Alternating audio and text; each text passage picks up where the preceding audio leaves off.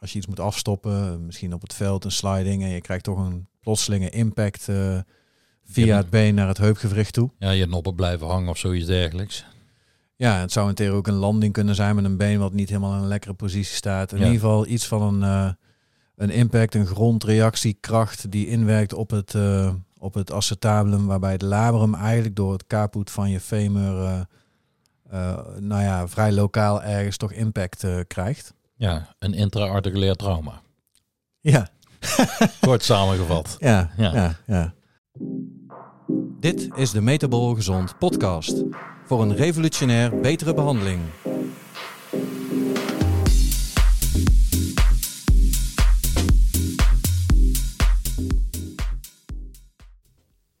Welkom bij weer een nieuwe aflevering van de Metabol Gezond podcast.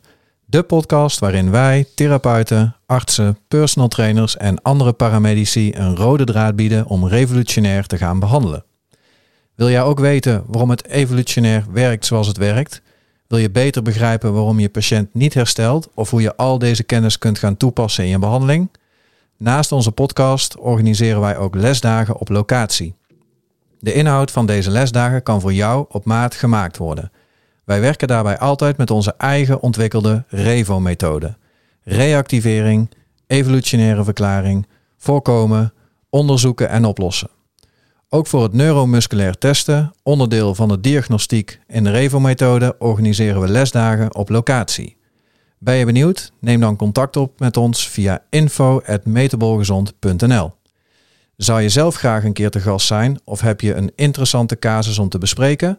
Laat ons dit dan gerust weten, ook via info.metabolgezond.nl. Welkom weer bij een eh, nieuwe aflevering van de Metabol Gezond podcast. Ja, goedemorgen, goedemiddag of uh, goede avond. Al naar gelang wanneer je naar deze podcast luistert. En uh, de oplettende kijker ziet natuurlijk dat wij dezelfde trui aan hebben als 14 dagen geleden. Ja. Uh, dat is toeval. Ja, dat, wij, wij denken ook gewoon aan het milieu. Ja. Is wel gewassen die van jou, toch? Ja, daar wel. Ja, oké, mooi.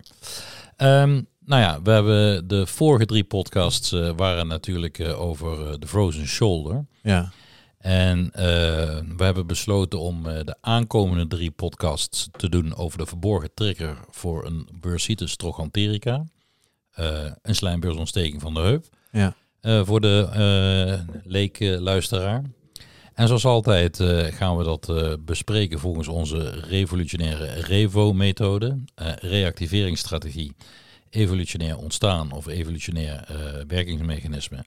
het voorkomen van problemen en het oplossen en behandelen van klachten. En ook voor de bursitis trochanterica grijpen we terug op drie werkingsmechanismes die mogelijk een rol kunnen spelen in het ontstaan van deze bursitis. Natuurlijk de eerste is een biomechanische link en we gaan het vandaag over het labrum hebben. Podcast 2 zal zijn de metabole link, nee niet de metabole, de viscerale link naar de dikke darm. En de derde en laatste podcast over dit onderwerp gaat over de laaggradige ontstekingsreactie, waarbij cortisol een rol speelt als heractiveringsstrategie. Dus Tom, vertel het maar. Ja, het labrum. Ja. Um, voor de oplettende luisteraar hebben we het daar natuurlijk bij de schouder ook over gehad. Maar desalniettemin is het toch interessant om dat bij de heup ook mee te nemen. Ik denk dat in de praktijk een heuplabrum een stuk lastiger is om te benaderen en te testen. Zeker als het, het dorsale deel van het labrum betreft. Ja, maar ik weet ook dat de klassieke orthopedische testen die voor een heuplabrum worden ingezet echt heel erg bedroevend zijn in, in betrouwbaarheid van outcome, zeg maar. Intertester reliability. Ja, dat soort dingen. En ook sensitiviteit, specificiteit is niet zo, niet zo goed. Um, dus daarom is deze manier die wij uh, gebruiken om straks gaan we dat uh, uitleggen hoe wij het labrum testen, uh, om dat in de praktijk te doen, is denk ik wel heel erg interessant. Ja.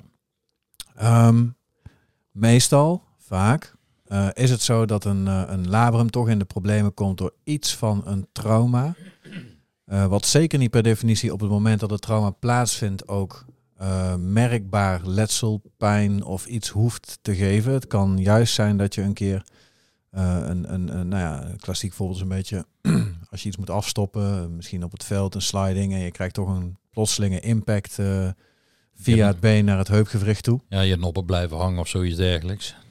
Ja, het zou in theorie ook een landing kunnen zijn met een been wat niet helemaal in een lekkere positie staat. In Ja. ieder geval iets van een, eh, een impact, een grondreactiekracht die inwerkt op het, eh, op het acetabulum, waarbij het labrum eigenlijk door het caput van je femur, eh, nou ja, vrij lokaal ergens toch impact krijgt. Ja, een intra-articulair trauma. Ja, Kort samengevat. ja, Ja. ja, ja. En ja, dat klopt, ja. En eh, wat er dan gebeurt, is dat eh, onze musculatuur daarop gaat reageren. In eerste instantie ter bescherming. Ja, Ehm, maar we gaan een klein beetje eh, doornemen hoe dat dan werkt. Waarom die bescherming misschien blijft. En, en dus ook problemen gaat geven en niet oplost wanneer het trauma in principe hersteld is. oké. En dat heeft alles te maken met onze spierspoel. En eh, als het goed is, weten de meeste collega's die luisteren dat een, eh, een, een spierspoel bestaat uit een extrafusaal deel en een intrafusaal deel. Waarbij het extrafusale deel gelegen is in het contractiele deel van de spier. Mhm. En het intrafusale deel meer de eh, registratie is van de lengte van de, van de spier via sensoren. Dus proprioceptus. Samengevat ook, ja, samen regelen die dat inderdaad. En eh, het klopt wat je zegt. Ehm, en ik wil daar niet, eh, eh, wat, het, wat ook een heel lastig verhaal om te volgen, denk ik. Zeker zonder plaatjes erbij. Ja, precies. Maar er zijn dus verschillende vezels in die intrafusale registratie van lengte in die spier. En dat zijn kernzak- en kernkettingvezels. Wat we daarover kunnen zeggen is dat ze beide afferentie geven, dus informatie uit de spier naar het centrale zenuwstelsel, via 1A en twee vezels. En dat er efferentie terugkomt via de gamma-motorneuronen. We kennen, de meeste kennen wel de alpha-motorneuronen. Dat zijn de vezels die de extrafusale spier laten contraheren. Maar als die spierspoel niet mee contraheert, als een spier contraheert, dan ligt die als het ware slap in verhouding tot de spier die in contractie zit. Dus die gamma die zorgen ervoor dat de spierspoel, de lengteregistratie, ook altijd mee eh contraheert met een spier. Want anders kan een spier in een gecontraheerde toestand, wanneer die terug op lengte komt, wordt het niet geregistreerd. Ja, precies. Ja, en, en zo communiceren dus die spoelen met eh, de spiervezels. En eh, dat is ook precies wat er eigenlijk gebeurt als... ehm, nou, we, we kennen dit natuurlijk van de peesreflexen. Ja. Ehm, eh, wanneer we die aanslaan, dan geven we eigenlijk ook een korte rekprikkel. En dan volgt daaruit, als het goed is, een, een, con- een contractie van een spier. En dat gaat ook over de spierspoel heen. Ja. Ehm, maar dit mechanisme speelt dus ook een rol bij een trauma. En dan wordt er ook iets geregistreerd in proprioceptus. Daar komt een spieractie op terug. Ehm, en als die spieractie niet uitdooft, dus het lichaam denkt dat trauma en de bescherming erop te moeten blijven doen, eh, dan kan dat wel eens voor eh, problemen eh, en klachten gaan zorgen. En dat is eigenlijk hoe de spierspoel het mechanisme is wat achter het in stand houden van een. ja, ik zeg altijd tegen mijn patiënten: de hardware is in orde en is hersteld. Ja. Maar er draait nog on, on, niet correcte software op je systeem. Ja, wat ik altijd uitleg is dat eh, het zenuwstelsel nog altijd denkt dat er een, eh, een letsel is, zeg maar. Waardoor er nog steeds beschermingsreacties eh, zijn, hoewel ze voor het lokale letsel niet meer nodig zijn. Ja, ja precies. Nou, en hoe die reactie zich dan uit, dat is verschillend. Want in onze gewrichten zijn er dus structuren die dan intra-articulair gelegen zijn. Nou, dat is het labrum ook. Dat zijn ook de kruisbanden in een knie. Maar dat is bijvoorbeeld ook het kraakbeen Van een gewricht. van een gewricht. En als daar een, eh, een afferentie uitkomt die eh, iets blijft uitlokken richting de motoriek, dan eh, zijn eigenlijk alle spieren rond dat gewricht waar dat gebeurt, die verzwakken dan eigenlijk. Die op onze neuromusculaire test verzwakken die dan. Ja, correct, inderdaad. Dat is natuurlijk wel als we het over testen hebben. Ja. Dat noemen we dan general weakness. Ehm, maar we zien ook situaties waarin er maar één spier reageert met een zwakke eh, spiertest. En dat is dan specific weakness. Ja, en als je daar als voorbeeld, eh, bijvoorbeeld, dat zijn dan de extra-articulaire structuren, bijvoorbeeld ligamenten, maar ook menisci en dergelijke. Ja. Dus je zou kunnen zeggen, als je bijvoorbeeld de binnenband zou willen testen van een meniscus, of eh, van een, van de knie, ehm, dat je dan de adductoren neuromusculair test, omdat die eigenlijk dat compartiment beschermen. En hetzelfde geldt voor de laterale, collaterale banden. Daar hebben we de tensor fasciolate die daar eh, beschermt. Eh, voor de hamstrings eh, zijn de relaties mediaal en lateraal met menisci. Dat is eigenlijk de makkelijkste uitleg als het gaat over een specific weakness. Ja, precies. En in het geval van de heup, even uit mijn hoofd, is dat voor de achterste ligamenten van de heup de piriformis. En is het voor de voorste ligamenten van de heup de quadriceps en of de psoas en of de tensor. Maar er is één ligament wat niet alle drie doet. Maar daar komen we vast zo op. In ieder geval die spiergroepen. ik denk het. Oké.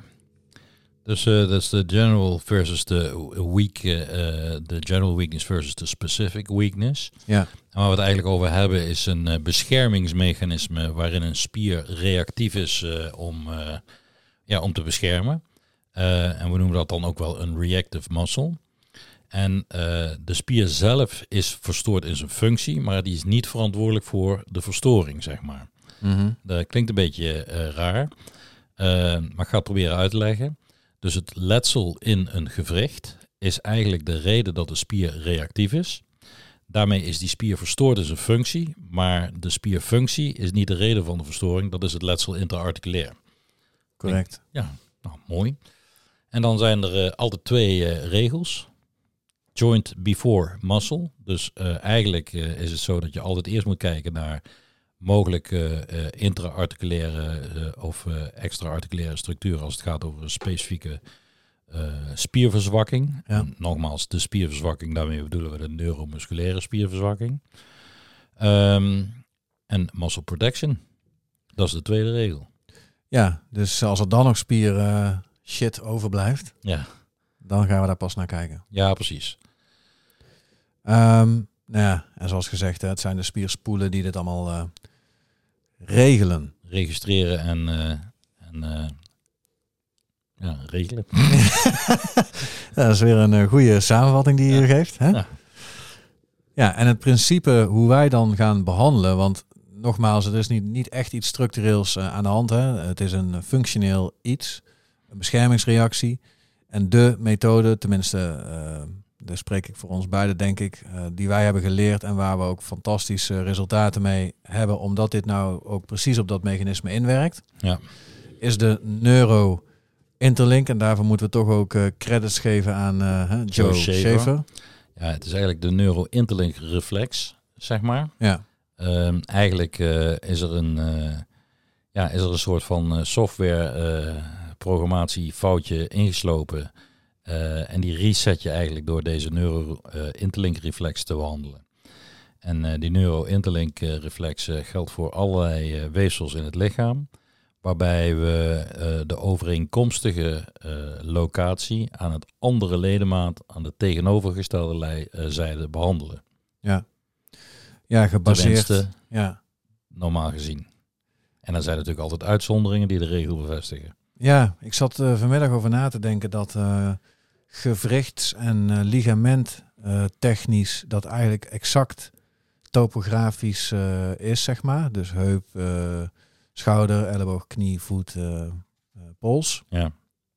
Maar dat het musculair niet altijd topografisch overeenkomt. Nee, er zijn inderdaad de meest rare combinaties waarvan je denkt van, oh, daar had ik het niet in gedacht. Ja, Jij verwacht bijvoorbeeld bij de piriformis eh, dat dat misschien een schouderspier gaat zijn. En dat blijkt dan de masseter te zijn. ja precies. Ehm, dus dat is de methode hoe we dat eh, behandelen. Nou ja, eh, dan kan je ook nog iets over de wervelkolom zeggen, want daar kan je die methode ook voor, voor gebruiken. En, en dan gaan we een, een relatie zien van boven naar beneden. Dus dat wil zeggen, de bovenkant van de wervelkolom, cervicaal 1, eh, komt overeen met lumbaal 5. En zo kun je gaan tellen. eh, C2, L4, C3, L3, C4, L2 enzovoorts. En dat heette Love it, brother. heel goed. Ik Ja. vroeg me af, eh, ik denk van gaat hij het zeggen, weet hij het nog? eh, maar, eh, want dat is iets waar je meestal vergeet hoe dat heet. Ja, en ehm, Eh, als het om de ribben gaat, dan omdat ze de, de primaire biomechanische functie van de ribben is natuurlijk ademen. In ieder geval daar een belangrijke rol in. Dus dan gaat het om links-rechts. Dus eh, als je zoiets hebt bij rib 2 links, dan behandel je rib 2 rechts. En En in het aangezicht eh, geldt dat eveneens. klopt. De, de structuren van eh, de bolstructuur van het aangezicht. Ja. Oké, nou hebben we dat uitgelegd. Dan Ja. gaan we naar de R van Revo. Ja, Want we hebben een, een heupklacht, een bursitis trochanterica. ja, En eh, nou ja, we vermoeden daar een mogelijk biomechanisch probleem in het, eh, in het heupgewricht. En hoe Ja. gaan we dat testen? Nou, we gaan eh, in dit geval dan gaan we de hamstring gebruiken. Want je ziet dat eigenlijk de hamstring altijd een protectie geeft naar een heup-articulair probleem. Ja, dus uit ervaring blijkt dat. Precies. En naar de knie toe ook. Maar dan kan je eigenlijk een grens trekken in het midden van die hamstring. Dus moet je eerlijk zeggen, ik weet niet of er ooit uitzonderingen zijn. Maar de regel is dat als er in het proximale gedeelte van de hamstring een letsel is, Mhm. dat er dan eerder wijst naar een heuparticulair probleem. En vind je in het distale deel van de hamstring een, ik zeg nu een letsel, maar eigenlijk moeten we zeggen een, eh, Abnormale functie. ja, een verlies van, eh, van, eh, van functie, een zwakke spierreactie. Dan, dan duidt dat meer op de knie. En, en hoe gaan we dat nou doen? Nou, Want jij zegt proximaal en distaal, maar hoe gaan we dat differentiëren dan? ja, precies. Ja, Met een magneet. joh. En eh, het idee is eigenlijk dat wat we net hebben gezegd over die spierspoel, Ja, dat als er dus in de proximale hamstring een deel van de spier zo'n geheugen heeft met een spierspoel die maar de hele tijd loopt te vuren, ja, dat we die eh, spierspoel eigenlijk nog verder over de zijk eh, brengen met een, eh, met een magneet op de spier, Ja. Eh, een elektromagnetisch veld. Zo werkt een echte spoel ook. ja. Dus we kunnen die spierspoel daarmee beïnvloeden. ja, waarbij het van belang is om te kijken of dat we het over de zuidkant of de noordkant van de pool hebben. Ja, in dit geval de, ja, Ja, de, De zuid. zuidpool of de noordpool. de zuidkant van de pool. Ja. ja. Ja. Ehm, dus in dit geval de Zuidpool. En ehm, als we dan dus die Zuidpool op een proximaal deel van de hamstring leggen en de hamstring verzwakt, dan weten we, ah, proximaal gedeelte, hoogstwaarschijnlijk een protective reactie naar iets intraarticulair in de heup. Met andere woorden, je kunt deze dus als diagnostiek te gebruik, gebruiken om te kijken of dat er überhaupt een intra-articulair probleem is. En dat is eigenlijk waar ik hem het meeste voor gebruik. Ja, Omdat als we specifiek moeten gaan testen van waar moeten we dan het labrum behandelen, dat doen we dan eigenlijk anders dan met deze spiertest. Klopt. Dat zou inderdaad ook andersom kunnen, maar dat is voor de heup wel, eh, wel een dingetje hoor. Bij de schouder weet ik dat we dan eh, gewoon letterlijk eh, dat caput eh humeri vastnemen en we duwen het, we doen eigenlijk gewoon een gliding naar anterior, of anterior, ja, net waar, en dan Ja. geven we een extra zet met, met de caput tegen de rand van het labrum aan. Ja, Nou, dat wordt met de heup wel een lastig verhaal. Dat is, eh, Femur eh, kop beet pakken en eh, naar het labrum toe pushen. kan wel, maar dan maak je nieuw letsel. Ja, ik weet nog, eh, ik weet niet of jij dat ooit zo eh, geleerd hebt, maar eh, dat was de eerste, eerste versie waarin eh, Joe dat deed. Dat was eigenlijk gewoon dat hij eh, Ja, ging swingen met beenje. ging swingen met het been staand, Ja. eh, voor achterwaarts. En, en dan eh patiënt vlug op de bank en dan testen. Vraagt wel een beetje skill in testen en Ja. in snelheid ook, eh, zeg maar. Want als het te lang duurt, dan is het natuurlijk al hersteld en is die proprioceptus alweer weg. Ja, precies. Oké, Ja, en eh, als we dan naar de E gaan van, eh, van evolutie, evolutionaire modellen, dan gebruiken we hier het model van de tijdlijn eigenlijk. ja.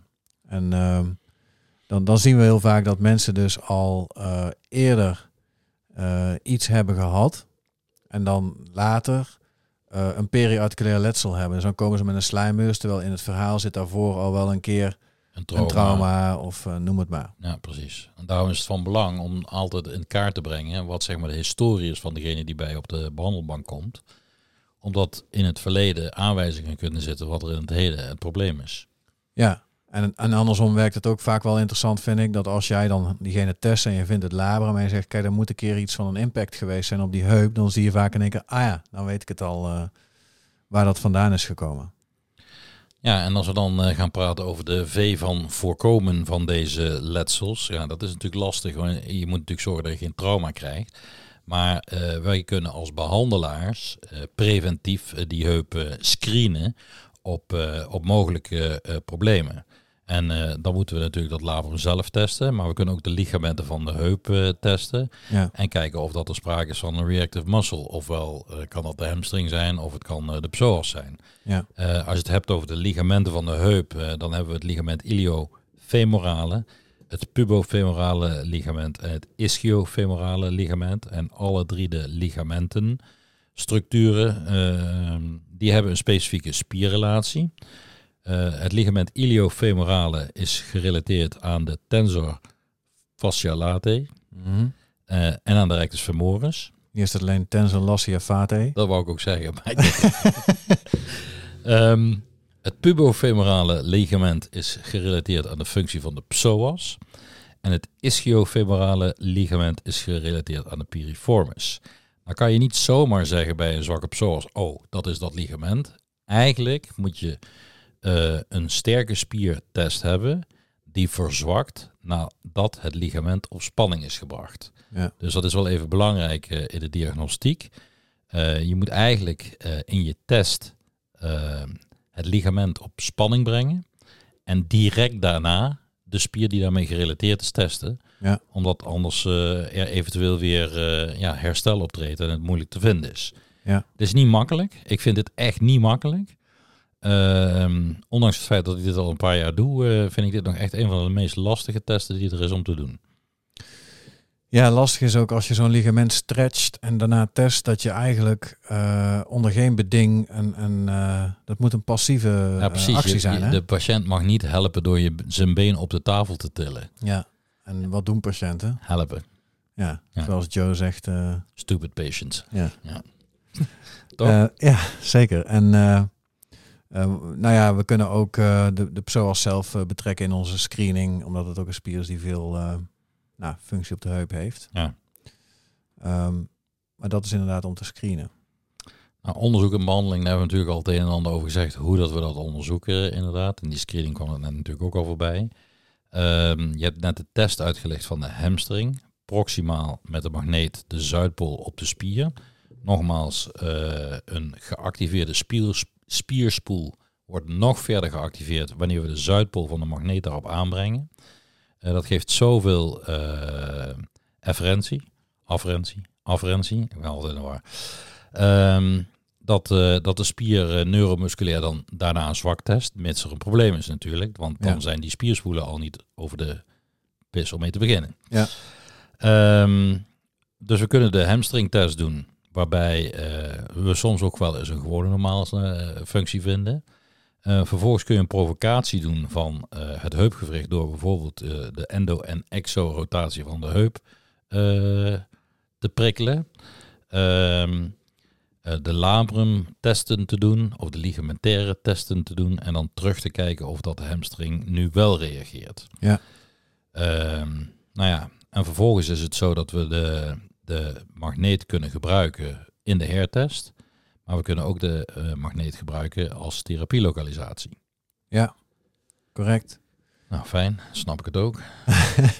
En als we dan eh, eh, gaan behandelen, ja, dan doen we dat dus met de interlink.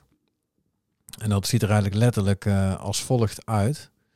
Ehm, stel, we doen een, een test van de hamstring. Magneet proximaal op de hamstring. Eh, je vindt een zwakte. Eh, zoals je net zegt, je gaat zoeken. Eh, we leggen die magneet op het heupgewricht. Wat betekent er is iets intraarticulair onze hamstring, hamstring, hamstring, tring, tring, hamstring, hamstringeling. tingelingeling. Test die, die verbetert. Nou, dan is er dus vastgesteld, oké, het is een, een articulair probleem van de heup. Dan laten we die magneet liggen, dat is één optie, op de heup. Mhm. We gaan op de heterolaterale schouder, stel dat de voorzijde van de heup is, gaan we op de voorzijde van de schouder palperen en zoeken we naar een gespannen plek die ook overduidelijk pijnlijk moet zijn. En echt pijnlijk. Ja, zoals jij al zegt, Plas in de broek pijn. precies. Ehm, dan kan je die magneet weghalen bij de heup, moet de schouderpijn ook weggaan. Dan weet je dat je de juiste locatie hebt. Ja.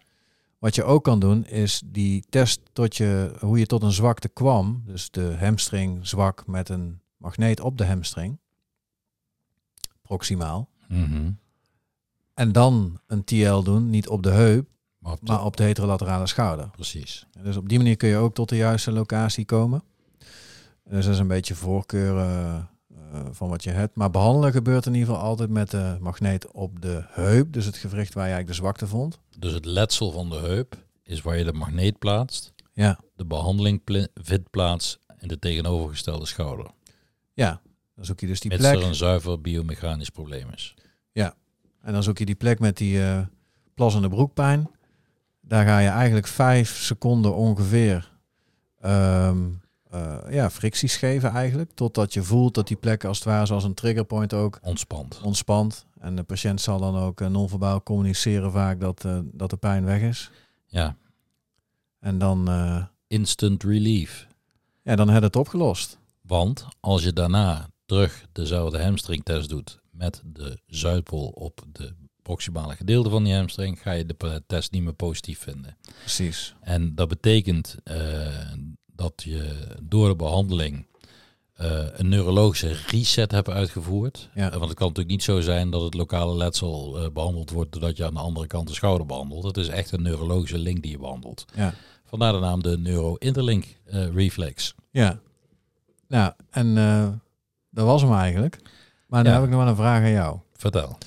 Ehm, en wat is jouw gedachte nou over het feit dat als bij iemand zo'n eh interlinker er zit, ehm, en we hebben dat natuurlijk al wel eens afgevraagd, hoe kan het nou zijn dat dan bij de een zo'n trauma wel een geheugen eh, maakt en, en bij de ander eigenlijk niet? Heb je Ja, daar? dan moet ik altijd denken eh, aan wat Joe Schaefer daar zei. Sometimes the brain forgets to remember to forget.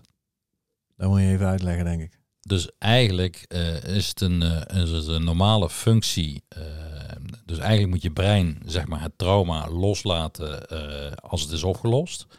En soms vergeet je brein de neurologische upregulatie weer te downreguleren als het letsel hersteld is. Is dat een goede uitleg? Denk het wel. Ja.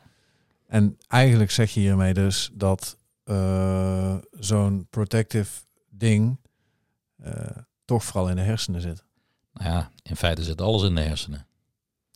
Ja, Het zit letterlijk tussen je oren. En Dat is wat ik patiënten ook vaak uitleg. Pijn is ook iets wat letterlijk in de hersenen gebeurt. Er zijn een aantal biochemische stoffen die lokaal vrijkomen als er een letsel is. Die eh, prikkelen zenuwen en die zenuwen die, ja, die schakelen door eh, via het ruggenmerg naar de hersenen. En in de hersenen wordt aan het signaal gekoppeld emotie pijn. ja, en ik kan me zo nog voorstellen dat als je dus eh, een belangrijke wedstrijd hebt, je hebt toch een bepaalde wedstrijdspanning, eh, je sensoren staan misschien wat scherper. Hè? Mhm. kan van alles zijn, van gehoor tot met geur, noem het maar.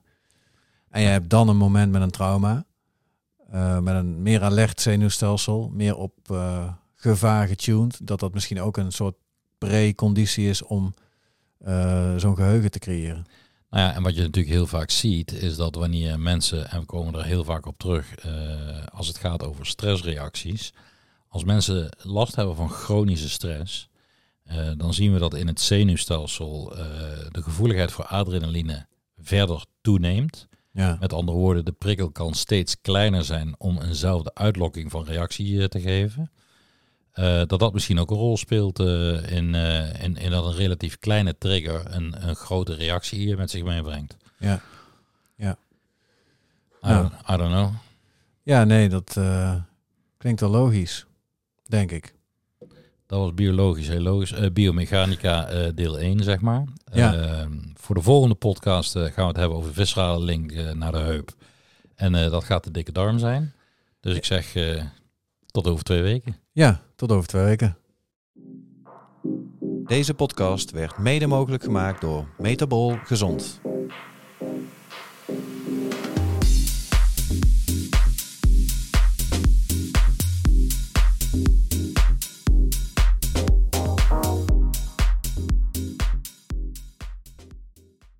Informatie in deze podcast is niet bedoeld als vervanging van diensten of informatie van getrainde medische professionals en of zorgverlenende instanties zoals huisartsen, medisch specialisten, spoedeisende hulpverlening en acute geestelijke gezondheidszorg. De informatie in deze podcast, nog de gebruiksmogelijkheden, kunnen gezien worden als een vervanging van medische of andere professionele hulp, zorg of ondersteuning.